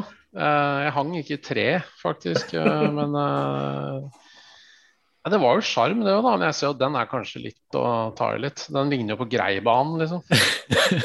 men det, det, er jo det som er litt av sjarmen med også med de der første rundene i cupen, da. Besøke de litt sånn obskure stedene. Ja, visst. Westernsletta, for eksempel. Eh, de, hvor de hadde, hvor de hadde snekra opp en platting i, i, skogen og kalt det for VIP-tribune. Det var Alle bortesupporterne ble plassert i skogen. Når de hadde hogd ned litt, sånn at folk skulle kunne se. Det var helt nydelig. Altså, helt seriøst, jeg vil ha, hvis, hvis, hvis, hvis det er mulig å reise, da, så, så vil jeg til noe sånn type Bosnia eller Serbia eller et eller annet sånt noe. Eller altså kunne vært litt eksotisk med Færøyene og Island òg, men uh, helst Balkan. God mat, billig, god stemning, fete stadionopplevelser. Mulighet til å dra seg videre. Folk oh, mulighet yes. til å dra seg videre også, som kanskje er eh, Som jo er et ganske stort pluss. Ja, Hvis du er i Reykjavik, da, så reiser du ikke nødvendigvis eh, for å se Hafnafjordur eller hva det heter, Akra, hva heter det på andre sida? Akranes, eller hva det heter. I ja. lang Fanevoll. Eh. Men det er klart, Vestmannøya Away hadde jo vært litt hardcore, da. må du ta båt ut i en sånn øy sør for uh, Reykjavik et eller annet sted der, tror jeg. De hadde jo servert, de hadde jo Svesta, Røde Stjerne, på besøk for noen år siden. Delhi, ikke sant. Den der ultrasengen der sånn skal kjøre båt ut i islandske Nordsjøen og sånn. Det sier faen, altså. Ja, det. Det hadde vært artig å sett. Ja, det hadde tror En ting som jeg kom på kanskje hvorfor jeg er så mot Sverige, er fordi jeg var på kanskje den døveste stadionopplevelsen jeg noen gang har vært på med Vålerenga. Eller ikke kanskje, den desidert døveste. Og det var uh, uh, Göteborg mot, uh, mot Vålerenga i Royal League som medio ja, ja, ja. januar i 2003, eller hva faen det var. Og Wæler ble utvist tidlig der. Ja, det var helt riktig. grusomt. Vi ble plassert Det var jo, det var mange stadion, eh, stadion med plass til 40 000 eller sånt. Vi var et eh, par hundre. Satt oppe i hjørnet der og skalv. Liksom. Det var dritkaldt og langt til ølen, og det var ikke knålete i det hele tatt. Nei, det, det var eh, Det var surt, husker jeg. Eh, Surt tap òg, men det var fin togtur, da. Det var Vi kjørte jævlig med tog. Chartertog, husker jeg. Frode Veie ordna jo pizza. De kom jo med svenska, leverte jo sånn der 50 pizzaer på sånn stabel med sånn tralle inn på toget før vi skulle kjøre. Men jeg husker, var, var, var, ikke da, var, var ikke da også toget stoppa en halvtimes tid? Jo, langt Fanoen nede i- Ja. ved Halden eller noe sånt. Bare fordi, Ja. liksom. Bare satt vi der. Ja, ja. På Bortetur er gøy, altså. så var det plutselig mørkt. Ja. Så En satt vi bortetur er gøy, altså. Men Men- når, når vi stoppa på vei ned fra Halden, så var det for, for å gå og pisse, var det ikke det? Vi stoppa hele toget. Ja, stemmer det. Ja. Pissa ut av ja. Ja. Folk begynte- å åpne dører og sånn. Ja. Men uh, altså, togbortetur, det er egentlig ganske festlig. Um, San Pauli er jo San Pauli-supporter òg. Uh, San Pauli har jo en tradisjon med at det siste bortekamp hver sesong er uh, togtur med karneval. Uh, og du vet jo, San Pauli ser ut som karneval når det er normalt. Så da kan du tenke deg hvordan de ser ut når det er karneval. Eh, så da er det jo liksom du skal spille i altså München eller Nürnberg eller nede nedover mot Stuttgart eller noe sånt, da, så er det gjerne sånn sju-åtte timer da, på det toget fra Hamburg, da, som starter gjerne sånn seks om morgenen og sånn. Hvor da halvparten av dem har festa hele natta før, før hun går på toget. ikke sant? Og du har egen vogn med bar og disko med diskokul og anlegg og greier. Og det er bare full eh, kjør inni det toget. Det er eh, Skulle du vært med på, Eivind? Ja, det hørtes, det hørtes slitsomt ut. Merka at jeg blei litt sånn, fikk litt sånn vondt i ryggen med en gang. Ja, nei, det er sant. Det begynner å bli litt opp i åra. Jeg foretrekker å kjøre til match, men når jeg først skal eh, ta den ut, så gjør jeg det ordentlig. Ja, for, altså, jeg var jo, Lading og jeg var jo på bortetur i Berlin på for ett og et halvt år Jeg husker ikke hvor lenge siden det var. Før koronaen. Ja, vi var jo så, vi var så HSV mot Union Berlin Mm. på stadion Ander Alte Försterei. Nydelig bane. Vært der to ganger. Den er så fet, den. Den er det. Er litt gåtur fra, fra togstasjonen, men akkurat når du kommer dit, du står, står i kø for å komme inn, står i kø i skogen for å komme inn på stadion. Som bortefan så bør du nok uh, passe litt på når du går gjennom skogen der òg. Men uh, Nei, det er nydelig. Åh, fy faen, jeg savner å reise på fotball, altså. Da bare sånn før vi kommer med kommer et uh, litt sånn avslutningsmodus. Uh, forventninger til Vålerenga neste sesong? Eh, jeg mener at hvis de tar fjerdeplassen, så er det over evne igjen. Mhm. Fordi at nå har de mista så mange erfarne spillere. ikke sant? Finne, Matti, Lekven ikke minst. Sjala er viktig. Bjøla er viktig. Eh, dette er folk som eh, som eh, Selv om mange av dem, altså sånn som Bjørdal og Matti, kanskje var litt sånn Begynte å bli over the hill, da, så er de ikke sant? Det har noe med å sette standard på trening, profesjonalitet. Det er, det er et skikkelig generasjonsskifte nå, altså. Det, det begynte jo bare i fjor, men nå tipper jeg at vi får se ikke sant? Zakarias Oppsal. Den eneste liksom, etablerte spilleren som har åpenbar rett inn, det er jo Laioni, vel. Jeg la merke til at du nevnte, nevnte Magnus Lekven av de sånn folka som uh, forsvant ut. Mm. Du, var, uh, du var aldri på det toget som syntes at Lekven var verdens verste spiller, eller?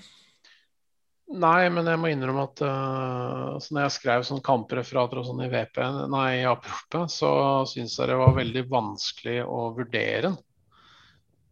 Fordi at han eh, Så det var veldig Det var litt vanskelig å se hva han egentlig bidro med, sånn egentlig. Eh, men jeg tror det han egentlig gjorde, var at han Jeg tror han er en ærlig smart spiller som dekker mye rom. Og gjør jævlig mye sånn utafor spillet som vi eh, ufaglærte kan du si, kanskje ikke ser. da. Og så er han en bra ballvinner. Han vinner ballen ganske ofte, men han kommer ikke med sånne spektakulære sklitaklinger og sånn. Det er mer det at han, løper opp motstandere, snapper ballen fra dem eller avskjærer pasninger. Og så gjør han ikke det spektakulære framover nødvendigvis heller, men han er en ganske solid spiller. Litt sånn som Oldrup, egentlig. Så derfor så er det logisk at Lekven dro nå. Mm. Så jeg uh, tror at han blir uh, Det er ikke gitt at det er så lett å erstatte han sånn umiddelbart. Hvem tror du kommer til å Nå har vi jo ikke Nå er det ikke så altfor lenge siden vi Vålerenga signerte han Henrik Udal ja. som backup-spiss, og så har det vært Amor Lajoni som har kommet inn. Så er det snakk om mm. å hente inn en spiller med defensive kvaliteter. Mm -hmm. Eh, hva tror du om eh, de to der nå første omgang? Lajoni Jeg var jo en av de jeg la ut på Twitter jeg var litt sånn skeptisk til den signeringa. Og da fikk mm. jeg bare beskjed om å tie stille og sette meg ned. Men han er en fyr som har hatt én bra sesong på toppnivå. Han er 28, er han ikke det? Jo, noe sånt. Da. så at han ikke lykkes i Pyramids er jo egentlig uvesentlig, fordi det er ikke så lett å bo i Egypt, liksom. Uh, og da var det visst noen trenere, nye trenere som kom inn. Og, så det er helt greit. Men uh, samtidig så tror jeg at uh, Fagermo skjønner også han skal bruke disse nye spillerne. Det er jo en ting å legge merke til også med de signeringene vi har gjort under Fagermo. Det var jo han Ingebrigtsen fikk jo veldig mye pepper for, for de overgangene som vi har hatt tidligere. Men nå ser vi ut til å treffe på ca. alt hittil, da. I hvert fall i ja. fjor. ikke sant? Det er mer gjennomtenkte som bare glir rett inn i den rollen de er tiltenkt. Det er jo samme mann som sitter der, så da er det vel kanskje noe med treneren å gjøre, da. Det kan jo være Ronny, det òg, da. At det var derfor ikke det funka. Ja, altså det har jo ikke, Vi titta litt på overganger de siste åra, og det har jo vært en det har jo vært sånn generelt sett en god del. Eh, både han, både, både Ronny og Rekdal var jo begge to glade i å hente spillere. Ja, de spilte football manager, liksom. Ja. Og Ronny var jo egentlig sånn han bare starta en ny save, og så kjøpte han de gutta han har hatt før, liksom. Problemet sånn, er det at Football manager. Jeg veit at han blir god, liksom. Du har aldri han signert jo... Eh, sånn Messi og sånt noe til Vålerenga, altså? Nei, det har jeg aldri fått til. Jeg spiller litt uh, mer realistisk enn det. Men uh, Det er liksom eh, Nei, jeg, jeg tror så, sånn sett så taler det veldig godt for Lojoni, da. Det må jeg jo si. At han har en spiller som skjønner den. Og visstnok så hadde de hatt flere samtaler hvor fagmålet mm. liksom forklarer til han hvordan han skulle bruke den mm. for å lokke den hit. Og så har jo også Lajoni frasagt seg en jævlig fet lønn. Ja. Så sånn sett så lover det bra. Så kanskje jeg var litt vel negativ i starten. Vi får se. Fra storby til storby kan vi si. Ja. Fra, fra Kairo til Oslo. Det er uh, omtrent det samme. Omtrent det samme. Mangler pyramidene. Uh, jeg tenker at vi skal runde av snart, men uh, vi har For en god stund siden så prøvde vi å sette i gang et sånn eget segment som vi kaller for tre i én spiller. Det vil Si at man velger ut uh, tre egenskaper litt sånn fra tre forskjellige spillere og setter det sammen til én. Jeg mener å huske at jeg hadde bl.a. sånn arma til uh, Padembo Toray og beina til Pagge og et eller annet annet i én spiller, og det hadde jo, mm.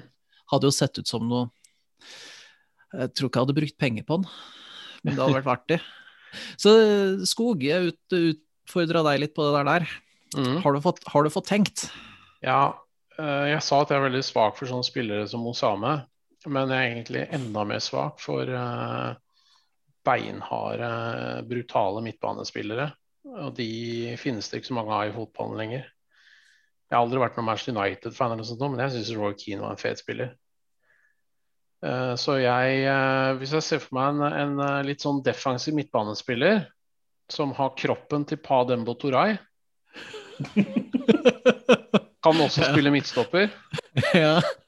uh, spillestilen til Erik Panserhagen. Og så har jeg lånt litt fra den største Vålerenga-spilleren noensinne, som spilte ishockey, Øystein Olsen sin mentalitet. Da tenker jeg at du har en, en publikumsmagnet. Publikum og nevemagnet. Skal være litt blod. Ja, det er, det, altså du, jeg, jeg, av en eller annen grunn så fikk jeg det bildet av Terry Butcher i, uh, i bakhuet. Ja. En fyr som er litt sånn vill i blikket, og så renner det blod ned, ned fra panna hans. Jeg tenker jo, Hvis du har liksom mentaliteten og huet til Øystein Olsen inni den kroppen til Ja. Toray, da. Det er uh, maskin, altså. Skal ikke sette skøyter på den her også, eller? Si at han fikk spille istedenfor. Hvorfor ikke? Kjør på. Han, han, for å holde formen ved like, så spiller han hockey om vinteren. Ja, ja, ja. og så han, han, han spiller ikke for han, han, han spiller ikke for Vålerenga, han spiller for Jar. Ja. Plasser den foran mål i overtallsspillet. Det høres ut Skudd for styring. det høres ut som en forferdelig fyr. Jeg elsker han. Inn og dytte rumpa i keeper og ja, deilig. Ja, ja. Jeg ser for meg at det hadde blitt en del kort, da. Jeg kunne tatt litt kort, men uh, litt uh, vet, Skal du lage omelett, må du knekke noe egg. Ja, men det høres nydelig ut. Bare spør Alf Inge Haaland. Åh. Takk for at du kunne stille opp, eh, Skog. Det var så lite, så. Det var en eh, Jeg tror vi jeg hadde egentlig tenkt at vi skulle ta en times tid, og så er vi vel Jeg aner ikke hvor langt over vi er, men det er eh, er kanskje sånn Ja, cirka. Halvtime over. Vet, jeg som har vært med på noen Pyro og Pivo-episoder, dette er bare oppvarming. Dette nå. Du rekker mine Pyro og Pivo er vel tre timer eller noe sånt. Hva, det, hva slags episode var det? var? Vi hadde en eh, gjennomgang av um, europacuplaga til eh, alle de norske laga, annet. Med reisemål og distraksjoner og kultur og mat og ting å gjøre og se og andre ting man kan gjøre rundt der og hei hå. Så det var jo veldig Ja, hva, hva syns du om den der nye oppdelinga av, av europacupene? Nå er vi jo Inter Toto Conference League. Jeg, jeg syns jo det er deprimerende at eh, man eh, spisser den fotballpyramiden sånn at den blir rigga sånn at folk ikke kommer inn. Jeg mener at serievinneren i Norge burde spilt gruppespill i Champions League. Alle serievinnerne i alle land burde vært Mm. Eller kanskje én playoff eller et eller annet sånt. Men øh, også syns jeg det er veldig rart at vi ikke har noen plasser i Europaligaen. Vi får jo null plasser i Europaligaen, mm. og så får vi tre i den der Conference League. Eh, men jeg er jo også av de som synes at eh, Champions League er døvt. For der har du liksom de samme kjedelige laga hele tida. Det er liksom PSG, Real Madrid og? Juventus mot Bayern. Jeg, jeg tror ikke jeg har sett en Champions League-kamp på snart ti år. Amen, altså. Det interesserer meg ikke i det hele tatt. Det er som å se Burger King spille mot eh, McDonald's, liksom. Altså, det, er, det, er, det, er, det er bare pengebusiness. Men Europaligaen har vært litt mer sexy. så der, Derfor så er jo nå liksom når du, når du kan få en sånn cupvinneren fra Bosnia og eh, ikke sant, Fjerdeplassen fra, fra Italia, og, eller, eller sjetteplassen er det vel i Italia, og, og en del sånne lag eh, ikke sant, ned, som på en måte er litt mer Forhåpentligvis litt annerledes. Det, det syns jeg er gøy. Det er der liksom den der rike floraen av fotballkultur er. da. Ja, for at jeg drev og titta på det, og det er vel til og med det er vel til og med sjette- eller sjuendeplassen i, eh, i eh, Premier League som Ja. kan eh, dukke opp. Og da begynner de å snakke om noe litt annet enn eh, disse, disse topplaga. Det hadde vært artig da, å ha besøk av Westham. Det skal sies, det. Altså. Jeg har sånn gang eh, Jeg er veldig enig i det der eh, konseptet om at Europaligaen er mye mer sexy enn det Champions League er. Mm. Eh, Og når den lista kommer ut med de første rundene der, så jeg elsker den lista. Altså. Jeg googler hvert eneste, eneste lag jeg, og Ja. leser meg opp på bare dette her er ordentlig kos, liksom. Jeg driver og fantaserer om hvor vi kunne reist om, men Ja, det er jo noen lag som allerede er klare.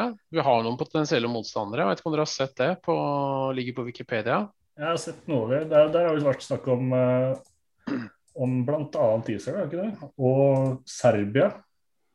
Ja, i hvert fall eh, skal vi se her. Du, vi kan jo få um, uh, Skal vi se Serbia er ingen klare ennå. Israel er heller ingen klare. Men jeg, skal, jeg kan si det er ett lag som er jævlig fett, som vi kunne fått. Bohemians fra Dublin.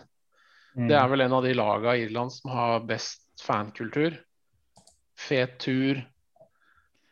Ikke sant? Det er alt ligger til rette. Jeg har heller aldri vært i Irland, faktisk. Eller jeg har vært i Belfast, da. Så, sånn sett kan vi si at jeg har vært i Irland. Men uh, Hvis vi skal ta en sånn kjapp liten runde da, på artig lag, så har du Klaksvik fra Færøyene. Uh, altså, alle lag fra Færøyene er jo artige, da. Og så er det noe sånn estisk Paidelina Meskond eller noe sånt noe. mm. Eh, Breidablikk, Hafnafjardar. Hafnafjardar, er, er ikke det det nye laget til Matti? Tror du det var det? Ja, det kan, kan kanskje hende. Så har du noe fra Georgia, bl.a. Dila Gori, som bare høres kjempeartig ut. Kan jeg bare da påpeke at uh, Gori det er eh, fødebyen til Josef Stalin. Da har vi et reisemål allerede der. Og der har de et Stalin-museum som er meget flatterende. Hvor de bare eh, ignorerer alt om at han var kjip. Han var uh, topp fyr. eh, En kjent toppolitiker fra vår kjære by. Eh, Finland, der kan du møte Honka fra Espo. Nei, ikke Finland. Altså. Det, er det, samme som, det det samme som Sverige for min del. Altså. Finland er litt kjedelig, altså. det må jeg det innrømme. Ja, men altså, ærlig talt, når du kan møte et lag som heter Honka, FC Honka Nei, hjelper ikke. Jeg har vært i, jeg har vært i Finland. Jeg, jeg må ikke tilbake dit. Altså. Uh, Hviterussland, der er det det, det laget du ikke vil ha, er jo Bate Borisov. Eh, Borisov eh, Hva heter den? Eh, Traktor Electronics Factory, Ja. eller hva faen det heter? Ja, ja, ja, ja. Men du har Torpedo Sodinho, som også spiller der. Jeg okay. mener tor Torpedo Sodinho, det, de er der. Så har du, skal vi se, så er det vel ikke så veldig mye mer spennende Kan jeg som nevne er to rakkarøkere her? Ja, ja, ja. Eh, den ene er jo FC Gagra fra Georgia. Fordi noe sier meg at vi kunne slått dem ut, fordi de er med som cupvinner. og De er fra andre nivå i georgisk fotball. Det er bortekamp jeg vil på! Altså. Uh, jeg tror faktisk de er fra Tiblisi, der har jeg vært før. Uh, veldig fet uh, by. Gagra Away, altså. Enten det eller Sjakter Karagandi. Eh, da er vi i Kasakhstan. Eh, der har jeg også vært, fordi jeg er så jævlig nerd. De ligger, mm, de ligger ikke i de to store byene. De ligger ikke i Astana og ikke i Almaty. De ligger midt i landet, ute i ørkenen, i, på steppene i, i østre Kasakhstan. Så ligger eh, Karagandi. Eh, og laget heter Sjakter, så det er selvfølgelig da gruve godt, gammeldags, tradisjonelt gruvelag. Dette er en ordentlig sånn der sovjetisk eh, kommiblokkby. Åh, det er så deilig. Det høres helt nydelig ut. Med ikke sant, uh, monumenter til andre verdenskrig og tanks på søyle og det ene med det andre. Det er helt nydelig. Ja, Klan Våle. Everest noe imot, jobbe mot, i hvert fall. Vålerenga går inn i andre kvalikrunde og, er mest sannsynligvis usida. Eh, så eh, vi får se hva som dukker opp. Det er Hvis vi det som er får Karagandi, så kan vi kjøre dit. Er det Ja, road- jeg har elbil, så det Det går greit fram til eh, Polen. Jeg vet ikke åssen det er med hurtigladere i Kasakhstan. Men jeg Det har faktisk var- kjørt gjennom det landet. Det er, der er avstander, altså. Det er sånn der, neste by er liksom 300 mil på grusvei rett fram. Det, det er på det nivået der. ja, for det er ikke noe særlig bakker og sånn, eller? Ja, det er helt flatt. Det er steppelandskap. De har vel noe fjell i sør, tror jeg muligens, men det er ikke så mye. Det er dritfascinerende landskap. Kameler og sånn. Det er en del, eh, en del ymse å ta. Det blir spennende å se hvem som, eh, hva som dukker opp framover. Gibraltar er jo fortsatt ikke ferdigspilt. Nei, Blant er, men vi ser jo her, det er jo blant annet eh, Albania har jo tre plasser her. Ja. Eh, du har f.eks. Uh, andre- og tredjeplassen og cupvinneren fra Serbia. Men dette her er så bra. Land som, Gibraltar, land som Gibraltar, Nord-Irland, Wales har tre plasser. Montenegro har tre, tre plasser. Det må jo komme noe spennende. Andorra har to, da. Men det, disse lagene kommer inn i første runde, så de skal jo møtes, og de De skal jo ja, halveres. De skal møte hverandre, og så møter, eh, møter jo vi enten noe fra andre runde, eller eh, noe som har kommet direkte inn, eller eh, noe som er lavere rangert enn oss fra, fra første runde. Så det er jo kjangs. Eneste er at Klaksvik er jo høyere rangert enn uh, Vålerenga. Så de kan jo faktisk ta oss på rankingen. Ja, for det kommer, om vi blir sida eller ikke, det er avhengig av hvilke lag som kvaler inn i den andre kvalrunden, ikke sant? Ja, riktig. Nå har ikke vi vært i Europa på så veldig lenge, men eh, vi har vel har vi nasjonale seedingpoeng? Jeg vet ikke om det Ja da, vi har, eh, vi har nesten fire eh, rankingpoeng. Så vi har like mange poeng som det Bodø-Glimt har per nå. Mm. Bodø-Glimt får nok litt mer pga. fjorårets deltakelse, men fortsatt. Wales hadde vært fett. Det er så mye kule turer her. Nei, hele tiden. Bare ikke Finland, så er jeg egentlig greit. Ikke, ikke FC Honka? Nei, sånn derre Eller Kups. Ja, det er altså forferdelig. Uff. Fra Kupio, som er for langt faen meg oppi Det er jo i midten av Finland, langt ute i skauen, ikke sant. Da ender du opp med flåttbitt og alt mulig. Det nytter ikke. Kanskje vi møtte Brøndby. Nei, det nei, det er ikke det altså. Nei, men eh, det Jeg vet i hvert fall Femteplass- at, er Femteplassen uans- fra Portugal, det hadde Ja. vært litt kult. Ja. Uansett hvor det er, så drar jeg. Det er i hvert fall Ja. min greie. Med mindre, med mindre de ikke har klart å få implementert dette vaksinedritet sitt. Uh... I slutten av juli så skal det nok gå greit. Og hvem er på femte trua. Ja, jeg hører du lever i trua. Skal vi se, jeg bare sitter og ser på hvem som er på femteklasseplass i Portugal. Det har vært litt fett å få sånn Madeira òg, ikke sant. Å, deilig. Akkurat nå så er det Rio Ave. Ja, men det er ikke så ille. Det er på Det er vel på nordkysten, tror jeg. Er det noe lag på Ja. Azorene, eller? Det er nord for Porto, er det ikke? Ja. Det er lag på Azorene. Um, Det er jo Maritimo er jo derfra. Er de ikke Rio det? av Hvor var De er fra Funcal.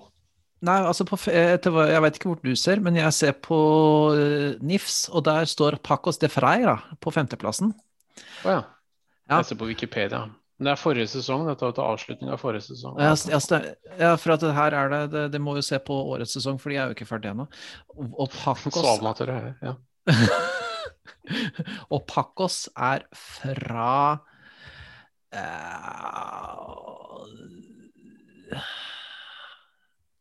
Estadio de Mata eh, Real. Ja, det var den det var, De har, de har eh, Og de har fra oppe i fjella, de. Ja. Ja, ser du. ja, men det er fin tur. Jeg vet hva, jeg tar alt jeg. Jeg tar alt bortsett fra Finland. Da ble jeg litt skuffet. Eller det var en av Reilos-klubben. Jeg blir jo skuffa, men jeg kommer til å dra. Borås, Borås, det er, tror jeg ikke er noen kul by, altså. Nei, det tror ikke jeg. Men eh, nå, nå ble jeg litt sånn forelska. Altså, man kan jo møte Santa Clara, kanskje? Fra Oh. Portugal? Det høres gøy ut. Estadio de Sao Miguel. Ja. Sånn der en 19, eh, 1930, bygget i 1930 og Det er nydelig. sånt Alle gamle stadioner er nydelig. Åh, den var uh... Oi, oi, oi. Jeg driver og ser på bilder av den. Kan du beskrive den for lytterne som ikke ser? Den er uh, liten. Den er litt svær. Det ser ut som det kanskje Det er litt sånn gammeldags bygget. Den er liten, den er litt svær. Men stad, altså, tribunen er ganske Det er én etasje. På det, det er ikke noe tak. Uh, det er eh, fine blå seter. Bare gress rundt hele stadion. Er, bygget, det er litt sånn, eh, litt sånn eh, gammel design på den, sånn at den er sånn eh, racerbaneforma, om du skjønner hva jeg mener? Er det sånn at det ser ut som du kan tryne ned hvis du står øverst? Nei, det er ikke langt nok. Nei, ok. Det er, eh, den er Den er ikke intim, men den er, den, den er liten uten at den er intim, da. Ser ut som en argentinsk andredivisjonsbane. Ja. Argentinsk andredivisjonsbane. Det er eh, De kaller det for en large open air stadium. Den ligger Og på det- Ponta del Gala, ja. Ja, og det, min kjære eh, venn Fredrik Lading, den er på Azorene. Å, det er deilig. Det er, den, e- det er den eneste måten jeg kunne komme til Azorene, tror jeg, hvis det spilles fotball der. Det, det er liksom litt utafor allfarvei for min del. Også. Det ultimate Dette her kan jo egentlig ikke skje, men eh, i franske cupen, dette, så er det jo sånn at eh, Fordi at Frankrike har en del sånne oversjøsterritorier, Reunion og sånne steder. Ja, ja, ja. Og de er jo franske kommuner, det er jo en del av Frankrike. Det er jo ikke et eget sted. Så de har jo ikke sin egen De har vel sin egen liga, men de er med i franske cupen. Så hvis et lag fra Reunion eller fra Hva heter den derre nede i Latin-Amerika der, hvor de skyter opp raketter og sånn. Guyana? Ja, Guyana. Hvis noen av de laga hadde kommet til uh, cupfinalen i Frankrike, så kunne vi kanskje møtt den franske cupvinneren senere. Da er det faen meg reunion away, altså. Jeg er tenker at jeg, jeg, jeg tenker at det To eh, dager på fly, liksom. Jeg tenker at ideen om reunion away i Europacup er egentlig For herfra kan det bare gå nedover. Det er det jeg, ultimate. det er det ultimate. Så takk for at du kunne være med og snakke om hvor steder vi har lyst til å besøke når Vålerenga skal spille Europacup. Det er kanskje litt underlig å spille Europacup eh, i Det indiske hav, men det får nå være. Vi gleder oss. Yes. Yes, takk skal du ha, Skog. Takk skal du ha.